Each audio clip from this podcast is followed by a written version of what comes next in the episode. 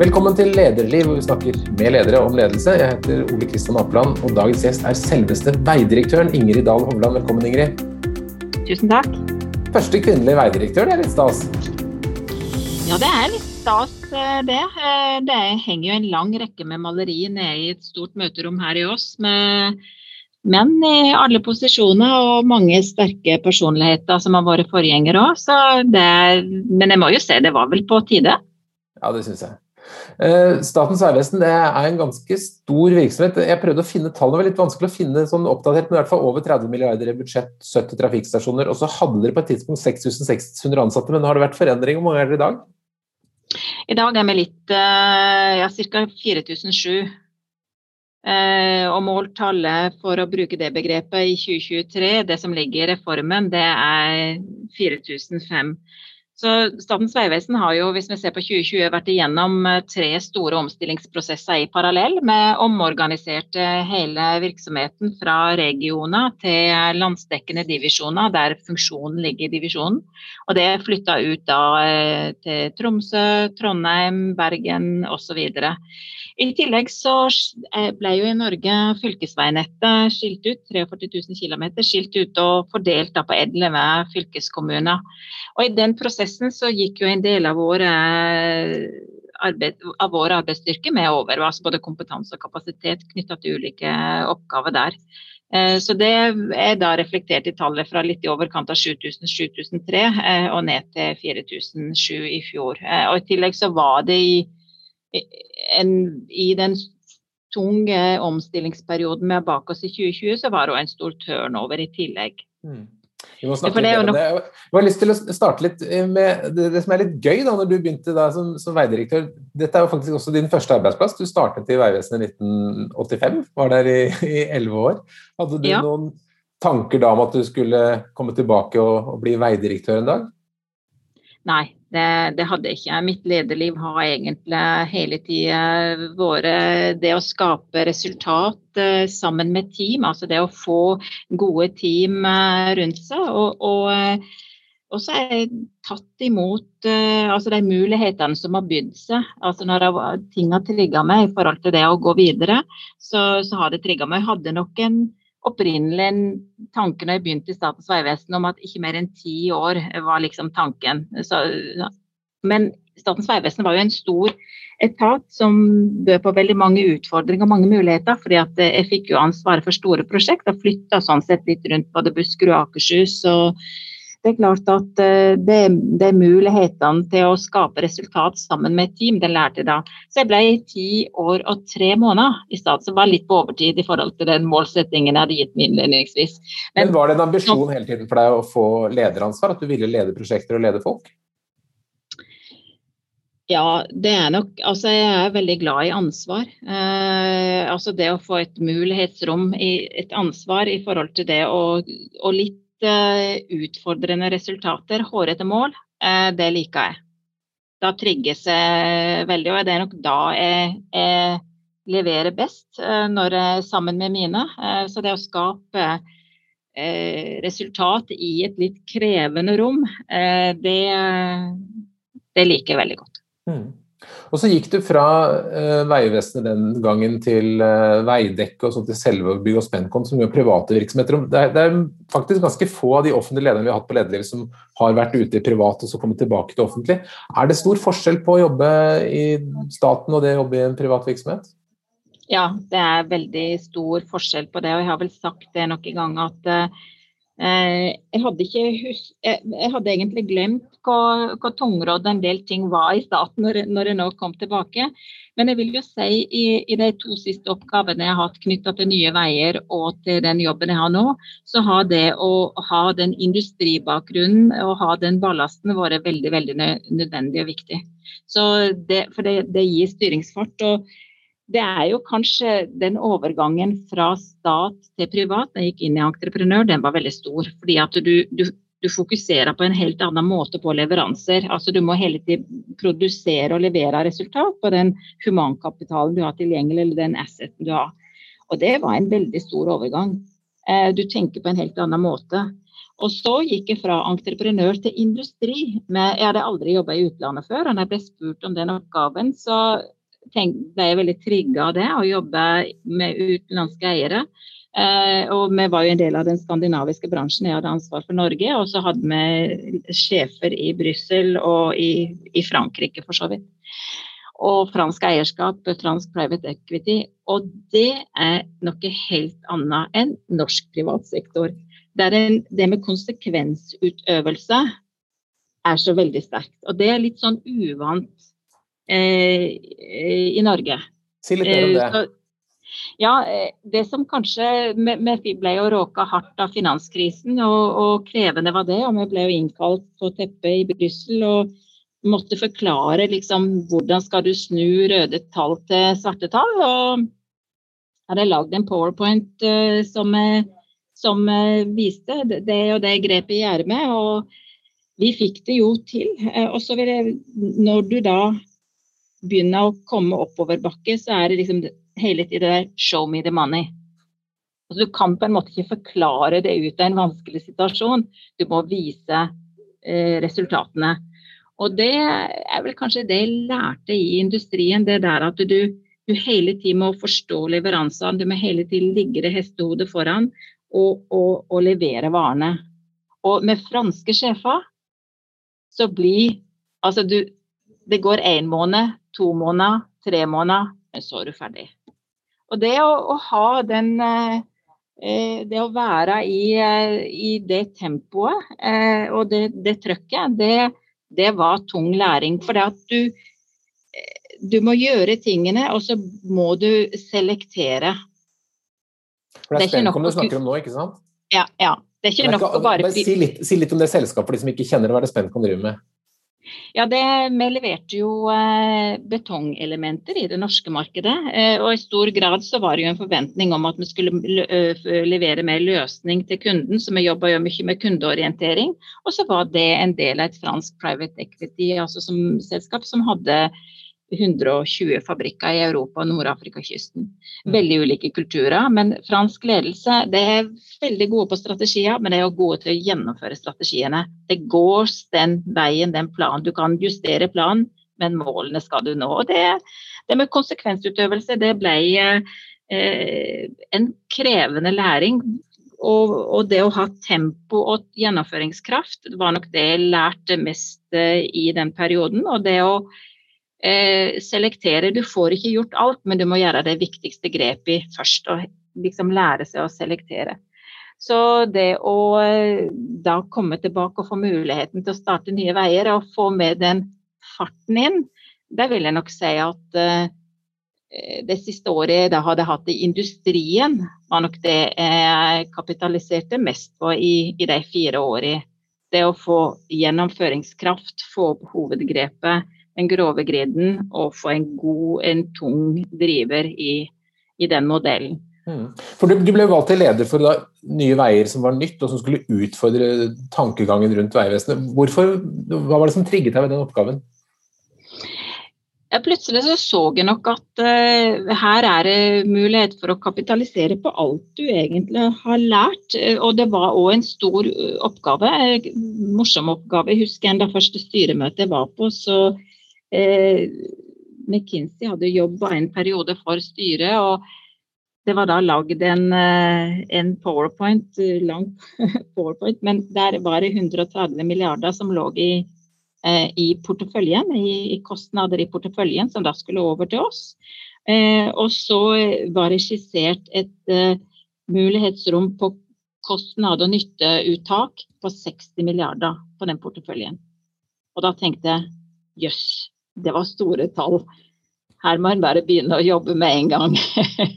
og, og, da å få til modellen sånn at du får tunge drivere i riktig retning, eh, der eh, la vi noen gode grunnsteiner tidlig og, og fikk, eh, fikk eh, fart inn og, og, tunge drivere inn i den modellen, som var for øvrig en veldig god modell som ligger der, som gir et veldig godt grunnlag for det med rammevilkår. Tenke Lange strekninger, tidlig involvering og jobbe med, med nytte og få kundeorienteringen på plass. Ja, for det, Du må forklare det litt grundigere. for dette. Altså, oppgaven var å bygge veier mer rimelig og mer rasjonelt. og Vi som ikke kan veibygging, kan fortelle deg, hva, hva var det du gjorde som var annerledes? Ja, Det som vi fikk muligheten til, var jo først og fremst å, å bygge lange strekninger. Altså Vi fikk òg eh, eh, eh, en stor fullmakt knytta til at vi fikk fem milliarder i året. Og, og med, sammen med styret gjorde jo da prioriteringene innenfor det.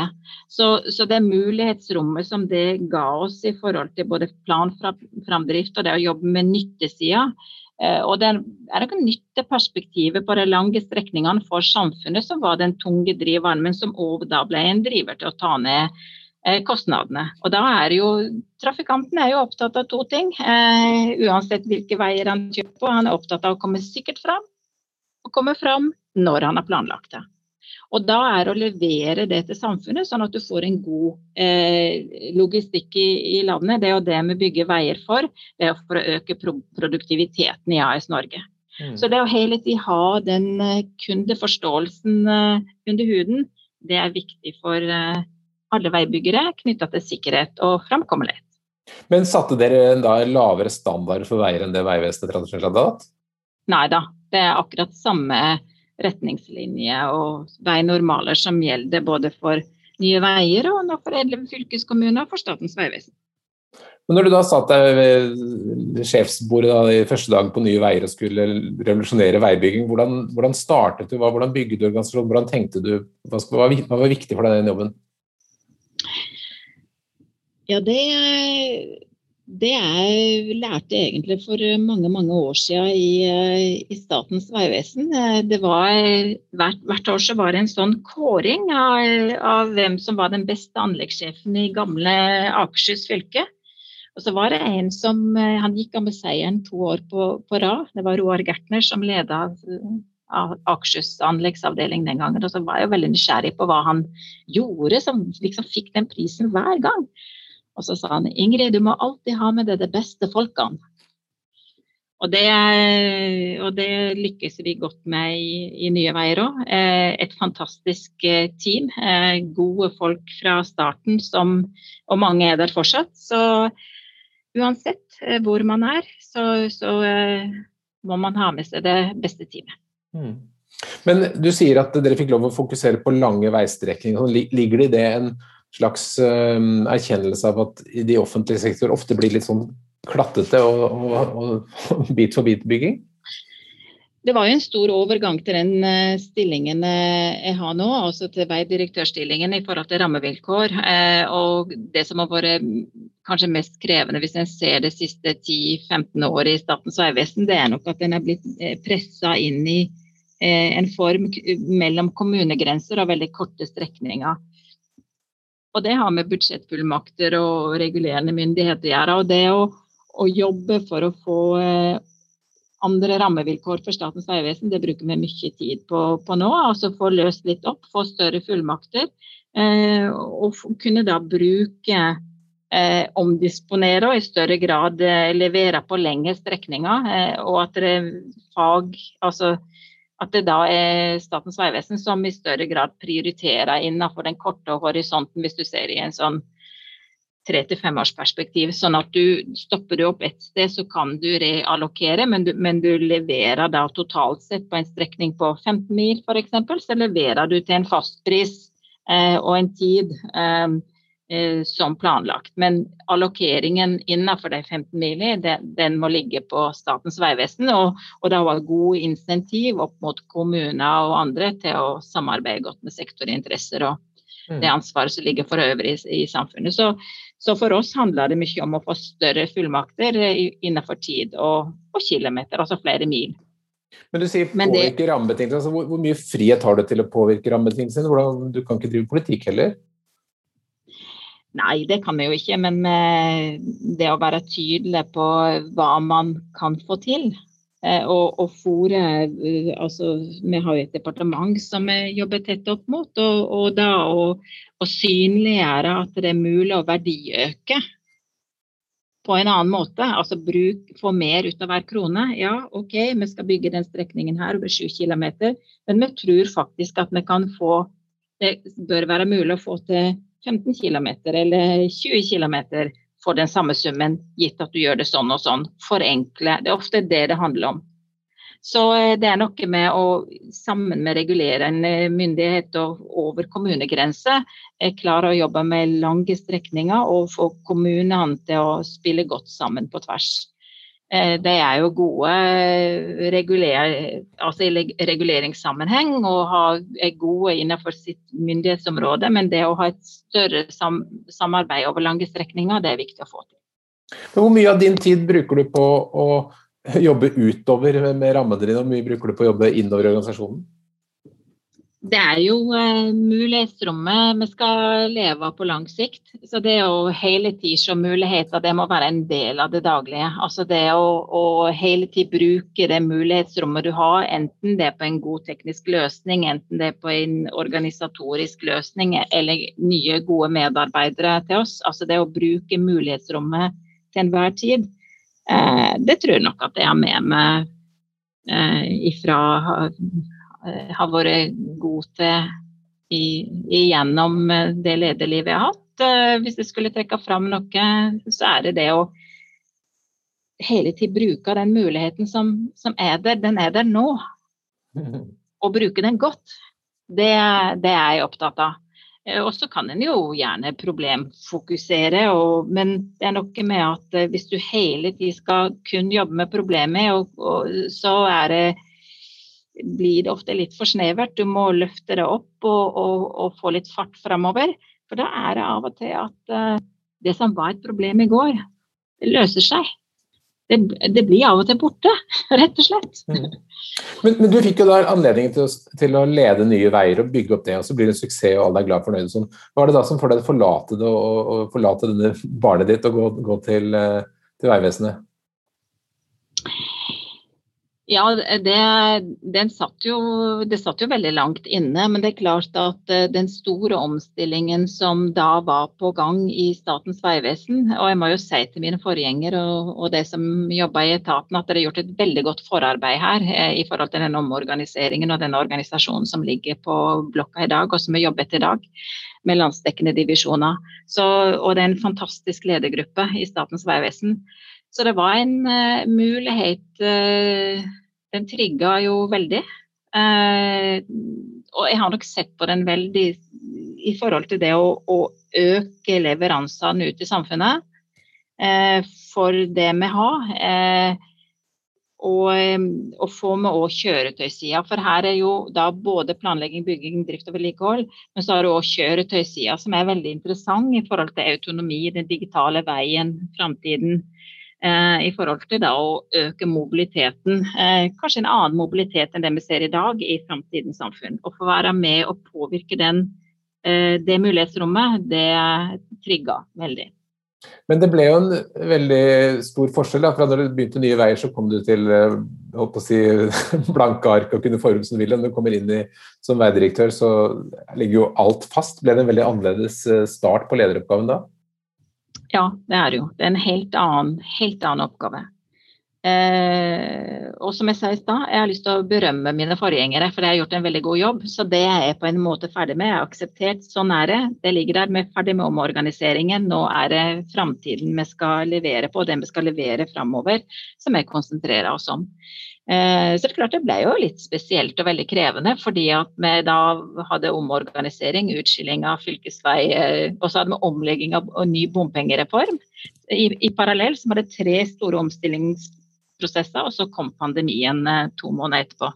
Så det var, var, var, krevende. Det som var veldig interessant, som jeg ikke var klar over, det var allerede i februar i 2020 så begynte vår beredskapsorganisasjon og jobbe med å tilrettelegge for forskrifter, eh, klargjøre samfunnet, veitrafikksentralene, for å klare å holde trafikken rullende på veiene.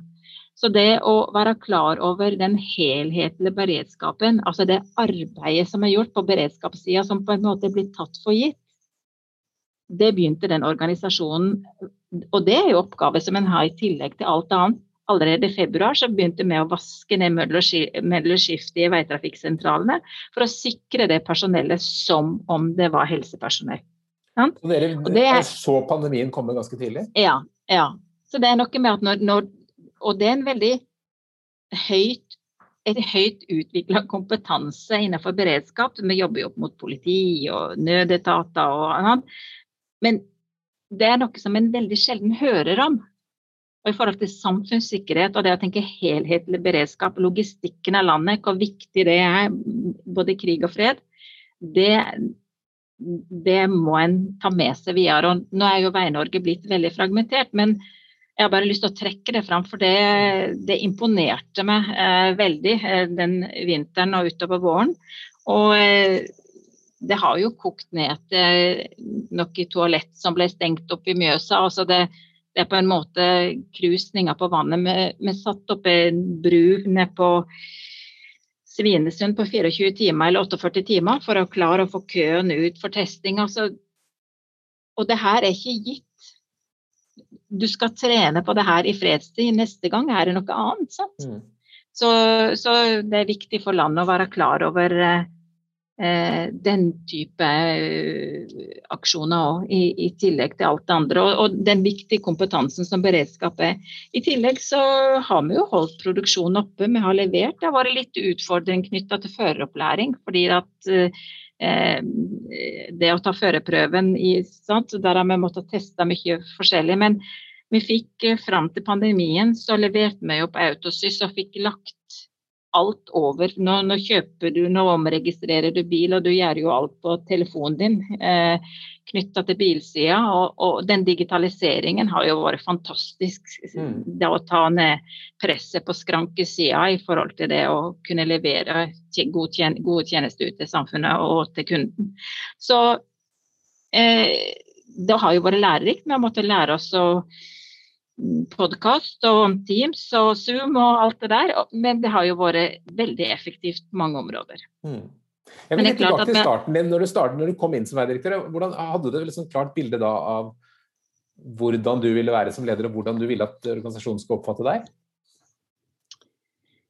Eh, nei, jeg er nok litt sånn at uh, i forhold til oppgaven og så bruker jeg litt tid på å, å jeg, jeg, bruker litt tid på å analysere altså, hva er de største utfordringene her, og hvordan skal vi gripe det an. Da er jeg nok veldig i tenkeboksen. Men i forhold til hvordan være som leder, så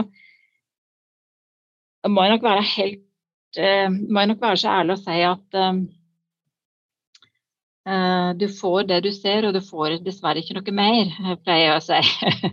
jeg er en veldig transparent leder. Jeg er veldig direkte. og sparer mye tid og krefter på det.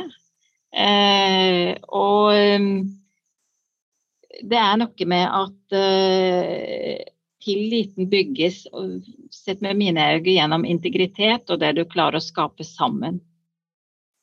Men når, Så, du, når, du, når, du, når, du, startet å dette det, Kommer du da til med store visjoner og vyer og flammende motivasjonstaler om nå skal vi forandre alt, eller hvordan går du inn i en sånn jobb? Eh, jeg starta veldig raskt med å sette opp de toppmålene som jeg har i dag, og som ligger i NTP i dag. Eh, fordi jeg så det de tilfeldigvis på et skrivebord i departementet. Og så, sa jeg at det her er jo midt i blinken for vår omstilling, så det kan jeg få lov til å begynne å bruke de, og det fikk jeg lov til. Og det var i 2019, da, før juli 2019. Så vi forankra det veldig raskt. Og da er det jo det å få opp mål eh, som du skal levere på, og liksom få strømlinjeforma gjennomføringskraften i organisasjonen. Mm. Så eh, det er vel egentlig den måten jeg ofte jobber på. Altså det å få opp målsettingene eh, og få eh, en klar strategi hvordan levere, eh, og så eh, skape resultat sammen. Mm. Er du en veldig annerledes leder nå enn da du var i Vegvesenet på 80-90-tallet? Du har et mye større ansvar, selvfølgelig. Ja, ja jeg, har nok, eh, jeg har nok eh, endra meg veldig som person. Det er, jeg er nok blitt veldig mye, mye tryggere. Um, Og en har jo vært på mange, mange lederutviklingskurs og møtt seg sjøl i døra mange ganger. Så, så litt eh, så, så, endringer eh, blir det jo alltid gjennom et langt uh, liv.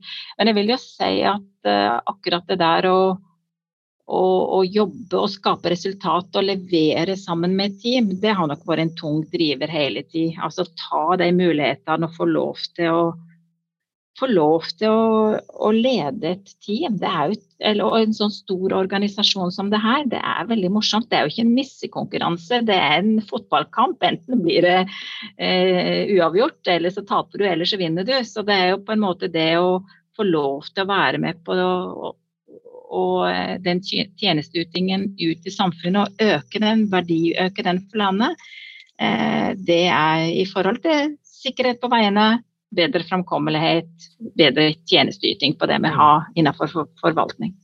Men nå har du snakket om flere store endringsprosesser, omorganisering og noe til nye veier. og Det er mange ting som skjer samtidig. Er det bra å gjøre så mange endringer samtidig? Det er jo mange her som eh, trekker litt på det. Eh, I forhold til om det var sunt å kjøre tre reformer i parallell i 2020. Og jeg tror vel at det var det. Eh, fordi at eh, det er noe med at skal du endre, så endre, ta alt med en gang, bli ferdig. Derifra så går det bare oppover. Så det er noe med å få alle med. og Istedenfor å begynne på nytt og på nytt, så Jeg tror det var et fornuftig grep, selv om det har vært krevende. Det er jo ingen i Statens vegvesen som ikke er direkte berørt. Enten har du ny leder, nytt ansvarsområde, nye oppgaver eller ny geografi, eller alle er jo berørt. Du har etter hvert fått en del erfaring med, med endringer og forandringer. Da. Hva er suksessfaktorene for en god endringsprosess? Ja, Det er jo det å få til endring. Eh, det som er krevende i en endringsprosess, eh, det er å avlære. Altså eh, Alle er enig i endring. Og du, ja, skal, nå skal vi bli mer digitale eh, i framtiden. Bare bruke det som eksempel. Skal vi sånn og sånn. Men det gjelder alle andre, og ikke, ikke meg. det er så lett å identifisere seg med å gjøre ting på Men det, alt begynner med meg. Sant?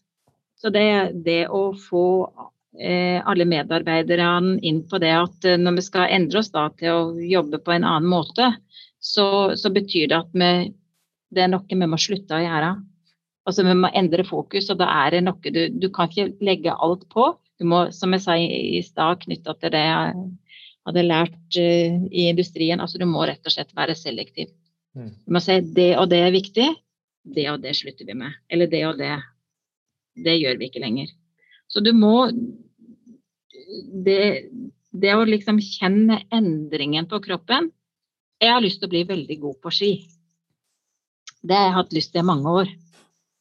Eh, jeg er ikke veldig god på ski, jeg har dårlig teknikk. Det er ikke så mange store skiløpere fra Sogn. Men eh, hvis du skal bli god på ski, så må jeg faktisk ut og trene.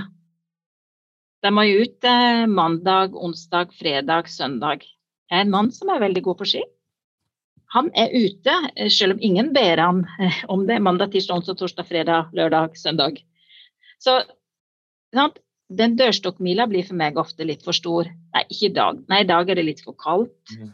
Og i morgen snør det for mye. Sant? Men hvis det da sant? Så du må ta Ja, vil du bli god på ski, eller vil du ikke bli god på ski? Så du må på en måte Og det er sånn med endring òg. Du må trene på endringen. Du må, du må mentalt sette det inn i endringen, og så må du gjøre det. Hvis ikke du gjør det, og tar disse shortcutene Nei, ikke i dag. Jeg skal ta et annet eksempel også, som jeg syns illustrerer det der veldig godt. Og det er sikkerhet på arbeidsplassen. Her har jo entreprenørbransjen vært i en, en lang, lang reise. Enkelte tok det der veldig raskt og var knallharde. Nei, på min arbeidsplass skal en bruke hjelm sånn og sånn, og sikkerhetsutstyr og det og det rutinene. Så, men så er det den gangen det bare en vareleveranse jeg skal bare bort der. Ja, det er ikke så nøye, sier formannen eller anleggsrederen Kan bare stikke innom der. Jo, det er nøye. Du kan ikke gjøre det. Så det å forstå når du skal du ha en endring, så må du følge reglene hver gang inntil det er blitt en automatikk. Som menneske så er vi veldig raskt på autopilot. Det er da Og du må liksom komme fra det å måtte tenke det nøye om, over på autopilot. Da begynner endringen å sitte. Mm. Hva, gjør, hva, hva gjør, du for å få dette til å smitte ned i organisasjonen, av den tanken? Ja, altså En må ofte være veldig, eh, streng og, og, og, det er klart, eller, eller veldig konsekvent. Og, og, det er klart at uh, vi, et, uh, vi, jobber mye med digitalisering nå. Effektivisering av våre tjenester. Vi har fått det til på en del områder. På kjøretøysida som vi brukte stor samfunnsgevinst, over 6 milliarder hvis du bruker Finansdepartementet sin modell. Fantastisk arbeid. Uh, og vi ønsker å, og så, så sier vi i Statens vegvesen at vi skal være digitale først. Være digitale først. Hva betyr det i praksis? Hvilke signal sender vi til våre medarbeidere? Jeg bruker ett eksempel. Når jeg da kommer inn nede i parkeringshuset her nede, og så står jeg ved en gammel parkeringsautomat og skal ha ut en lapp som bruker 43 sekunder, og det, det gjør jeg første tiden klokka kvart over sju om morgenen, da er det et dårlig signal til meg. Jeg blir rett og slett, og når den da ikke fungerer heller, så blir jeg veldig dårlig humør. Så du må, skal du være digital først, som er endringen for oss. Da må du ha oversikt over prosessene dine, så må du digitalisere de. Og det, det handler om tjenesteytingen generelt, altså, og da å bli kundedreven. Sånn at du får, når du skal endre salgsmeldingen eller du skal gjøre et eller annet for bilen din, så gjør du det på telefon, og du, du opplever at du får en god kundehåndtering av Stats og Vegvesen på, på den plattformen. Og da må vi gjøre det på alle plattformer, altså på, på alle tjenester vi har ut. Og da må vi ha en oversikt over hvilke tjenester er det, hvordan ser det ut, forenkle, standardisere, digitalisere. Mm. Så, så, det å ta konsekvensen både internt og eksternt, bli kundedreven eksternt og jobbe godt uh, internt. Så det, det jobber vi mye med nå i forhold til det å forenkle og få en god oversikt over prosessene våre. Hva er de viktigste utfordringene hvis du, hva er det du aller helst ønsker å få til? Det er å effektivisere tjenesteytingene i offentlig sektor. Eh, altså bare for å bruke det begrepet. Altså det å få mer ut av eh, hver krone, men at vi gjør det på en bærekraftig måte og at vi gjør det på en sikker måte. Enten du ruller på veien eller du er i arbeidstid. Det er en selvfølge for oss i mm. dag. Og da er å, å Skal vi øke tjenesteytingen i offentlig sektor, så er det å få inn eh, mer eh, en, altså mer en sterkere kundeorientering. Vi er til for noen. Enten er det for trafikanten der ute, eller så er det for han som tar førerprøven, eller så er det for eh, arealvurdering opp mot en kommune. Men uansett, når du da ringer til Statens vegvesen eller du er på nett, så blir du raskt ekspedert. Vi vet du har et behov, vi løser det sammen med deg. Så den kundeorienteringen inn i tjenesteytingen, den er viktig. Enkle, gode prosesser, sånn at vi har god forståelse av kunden sine behov og det vi skal levere. Enten du ruller på veien, eller du sitter på et kontor. Har man en annen oppfatning av dette i offentlig sektor nå enn man hadde tid, første gang du var i Vegvesenet? Ja, første gangen jeg var i Vegvesenet, så var jeg på, ute på prosjekt, eh, og, og jobba egentlig mest direkte i, eh, i forbindelse med prosjektene. Så, så, det er en litt annen Jeg opplever nok at vi eh, den gangen, i hvert fall i Akershus, hadde en, en veldig god forståelse av det vi skulle betjene og levere på. Og det, første, det som jeg jobba mest med i den fasen, var jo det ene var jo i Buskerud, da var jeg på den strekningen over Solhøgda. Men da jeg var i Akershus, så var det jo strekningen fra Oslo grense til, til svenskegrensa. Det å få rulla ut den firefelten helt til svenskegrensa, den betydningen det har hatt for logistikken av landet. Og det er nok den mest kostnadseffektive firefelten i, i Norge, eh, og som har levd lengst. Så eh, eh, akkurat det å, å, bidra i den sammenhengen og den forståelsen som en hadde i Akershus den gangen rundt både det og Oslopakke 3, det, det, det, det, opplevde jeg at vi hadde en veldig høy forståelse av den gangen, faktisk. Mm. Hvis du leser omtale, omtale av, Statens vegvesen, så det det er det er få som gir uttrykk for at de liksom elsker dere. dere får en del kritikk. Hvordan føles det? Ja, vi får, eh, vi får, eh, en del kritikk, det er riktig. Jeg har jo eh, sagt det en del ganger internt at vi, vi, må på en eller annen måte få oss flere venner i verden.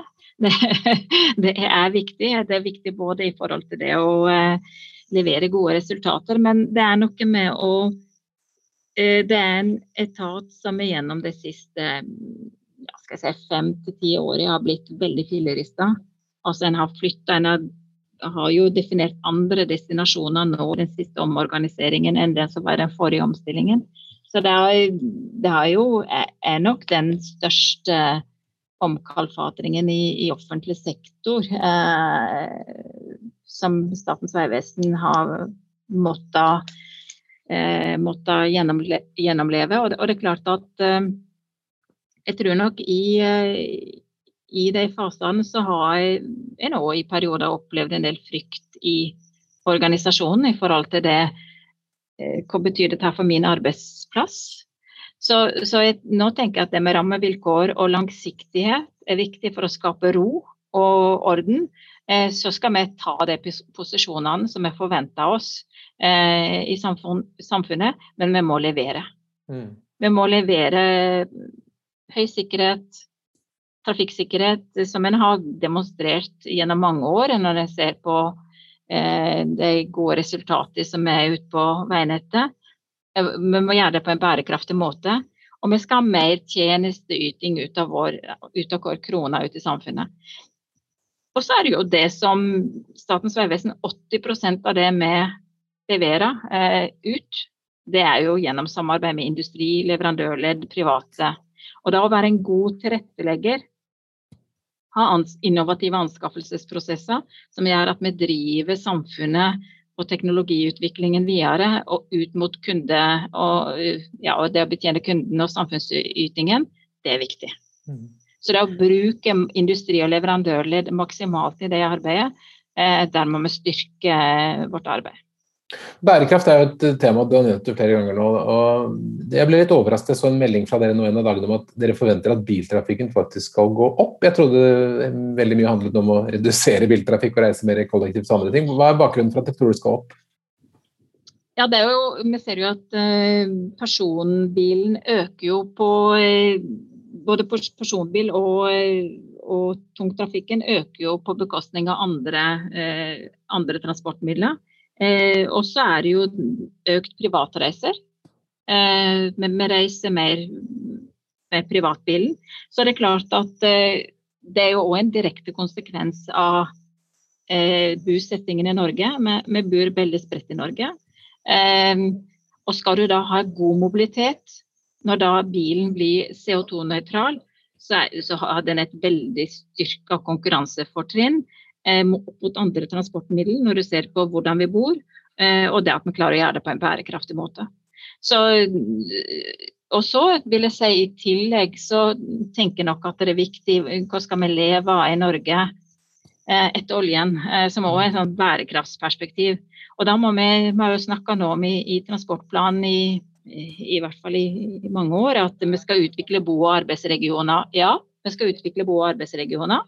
Eh, skape effektiv, god transport eh, for industrien. Men vi må være villige til å definere de bo- og arbeidsregionene. Hvor er de? Sånn at du, du kraftsamler investeringene i større grad inn mot de eh, fire, fem, seks hubene i Norge som blir de fremtidige industrihubene. For det en opplever på Mørekysten, det er jo at en konkurrerer kompetanse mot Oslo. Altså hvis det er to med høy formalbakgrunn som kanskje ønsker den ene å flytte tilbake til Møre, kanskje han er fra Møre, men du må igjennom et langt arbeidsliv ha muligheten til å bytte arbeidsgiver òg. Og da må, da må, du ha en helt annen mobilitet i den regionen, sånn at det er mulig. Mm. Som et eh, eksempel. I tillegg til bærekraft så, jo, så, så, har vi også snakket litt om sikkerhet. og Målet deres er jo at færre, eller helst ingen, skal dø på veiene. Men det er jo fortsatt ganske mange dessverre som mister livet i trafikken. Hva, hva, kan dere gjøre med det? Ja, det er jo I fjor var det 93, eh, og så er det jo en 300-400 som blir hardt kvesta. Eh, så det vi ser er jo at hardt skadde skadetallet sliter vi med å få ned. Vi jobber jo mest mot det nå. Det er, det er flere ting som er viktige her. Det med møteulykke har vi jo tatt ned i, i stor grad fordi vi har bygd midtdeler og på tofeltsvei. Jeg jobber mye med sideterreng, altså utforkjøringsulykker jeg tror nok òg videre framover nå så er det jo da å jobbe med holdningsskapende arbeid inn mot eh, oppvoksende generasjon er utrolig viktig. Eh, vi ser òg at vi har fått ned skadetallene i by.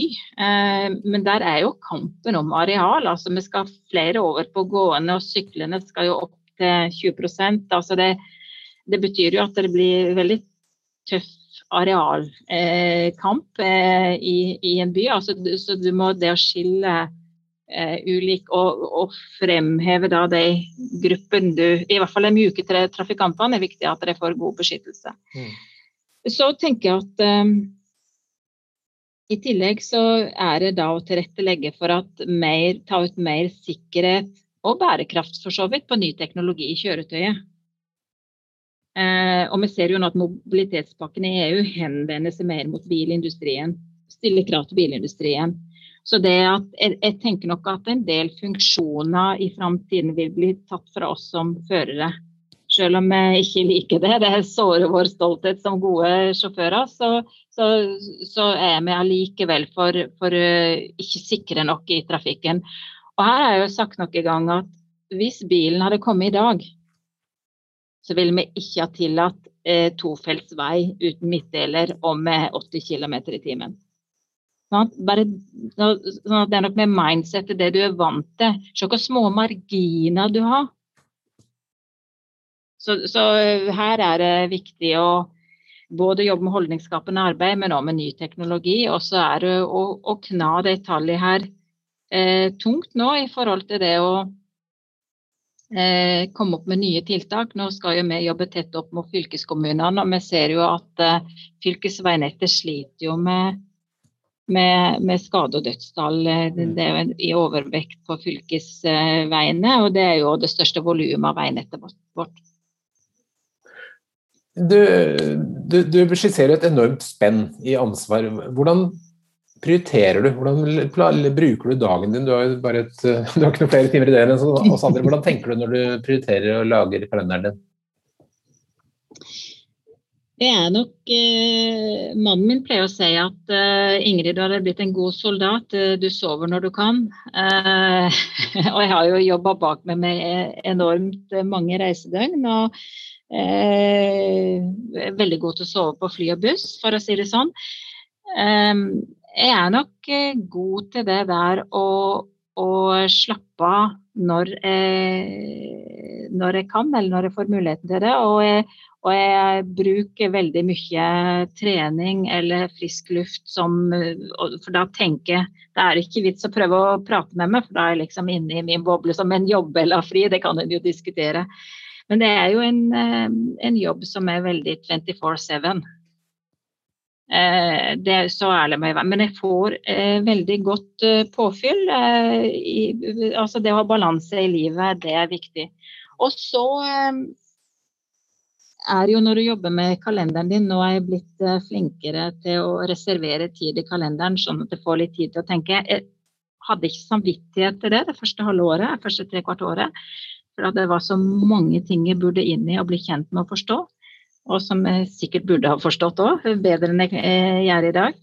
Eh, jeg tror jeg har rekord på 19 møter for én dag her i fjor. Så det er noe med at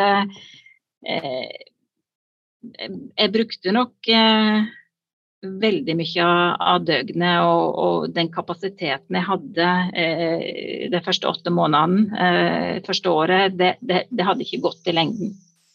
Um, men eh, det var òg helt nødvendig for å prøve å få en eh, så god, tilstrekkelig oversikt eh, som mulig. Mm. Men jeg hadde nok når jeg begynte, og det året jeg hadde Nye Veier, så tenkte jeg at, at det var en krevende oppgave. og jeg fikk muligheten til å bruke veldig mange sider av det jeg hadde fra industrien, som var veldig, veldig spennende. Og når jeg gikk over til denne jobben her, så tenkte jeg at ja, jeg sparer jo det å være ukependler opp og ned til Kristiansand. Så det er jo et pluss.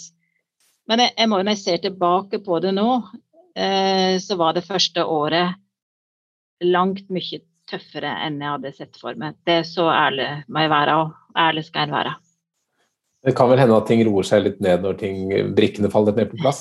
Hvis det kommer en ung person til deg Ingrid, og sier at jeg har lyst til å bli en god leder, hvilke tre råd vil du gi for å bli en god leder? Ja, Det første rådet jeg vil gi, det er å, å ta de mulighetene. altså når du vurderer hele tiden når, når det er riktig, men, men, men det er noe med å, å ta de mulighetene du får. Eh, for jeg har aldri planlagt, men jeg har tatt de Ja, nå kom den muligheten, det passer i tid. Passer kanskje ikke så godt, men det passer aldri perfekt. Så ta, det, ta de mulighetene. Bruk, bruk mulighetsrommet. Og så har jeg lyst til å si en annen ting som har blitt litt sånn lede, god læring i min, min ledelsestid. Det er du eh, det, Når du setter et høyt mål, altså du, du må komme i gang og gjøre tingene. For, eh, og hvis du får gjort tilstrekkelig tiltak, så vil eh, 30% av det være feil. Men hvis det bare er mange nok, så er det ingen som merker det, vet du. så det er noe med at en feil, det er læring. Den kan du korrigere. Men det å ikke gjøre noe, da kommer du ikke videre. Skjønner du forskjellen? Mm. Så kom i gang, rett og slett. Ikke, ikke tenke så mye, men bare starte. Ja. Kom i gang, og så korriger, og korriger planene dine underveis. Mm. Men ikke sånn hals over hodet, men legg den grove griden først. Kom i gang, ikke vær så redd for det. Kast loss, som jeg pleier å si, og så kan du begynne å justere. For det endres alt. Du ser fyrlykta langt der framme, men du skal navigere godt. Eh, men det er noe med å, å lære av sine feil. Og det har jeg tenkt mange ganger. Hvorfor i all verden står jeg oppi det problemet? Men jeg har klart å bruke det til, til uh, som god læring. Så feil, det er læring. Men gå videre. Legg det bak deg. Og så et tredje råd. Ja, du må ha med deg gode folk. Det er helt klart. Du må ha med gode folk, og du må uh, Jeg pleier å si at når gullfisken svømmer forbi, da må du bare ta den få den inn. så det er noe med å eh, Godt team. Altså, det er utrolig viktig. Og jeg har et fantastisk lederteam. Og jeg må si i, Statens vegvesen eh, nå det er, Jeg er veldig ydmyk i forhold til den muligheten jeg har fått. Det er et utrolig kompetent og klart team. og så nå er det min oppgave som leder å utløse det potensialet som ligger der til bedre tjenesteyting for samfunnet sikrere framkommelighet og raskere og bedre framkommelighet. Har du en favorittvei? Er det en vei du er skikkelig stolt av som du syns alle burde se eller legge merke til? Ja det, er, ja, det har jeg helt klart. Det er jo eh, E6 e eh, gjennom gamle Østfold og mot svenskegrensa, det, det er favorittveien. Det er den beste motorveien. Det er der de har fått mest for pengene i Norge når det gjelder logistikk. Så du blir glad når du kjører der? Ja, ja, ja. Å ja. Absolutt. Så bra. Og jeg er jo skikkelig veinerd, så da ser jeg jo på veibredder og alt der. Jeg har lagt merke til veldig så mye fin dekor på siden der, og sånne skråninger som er pyntet opp på det. Jeg liker det veldig godt, så tusen takk. Ingrid Dahl tusen takk for at du kom til Lederliv. Takk skal du ha.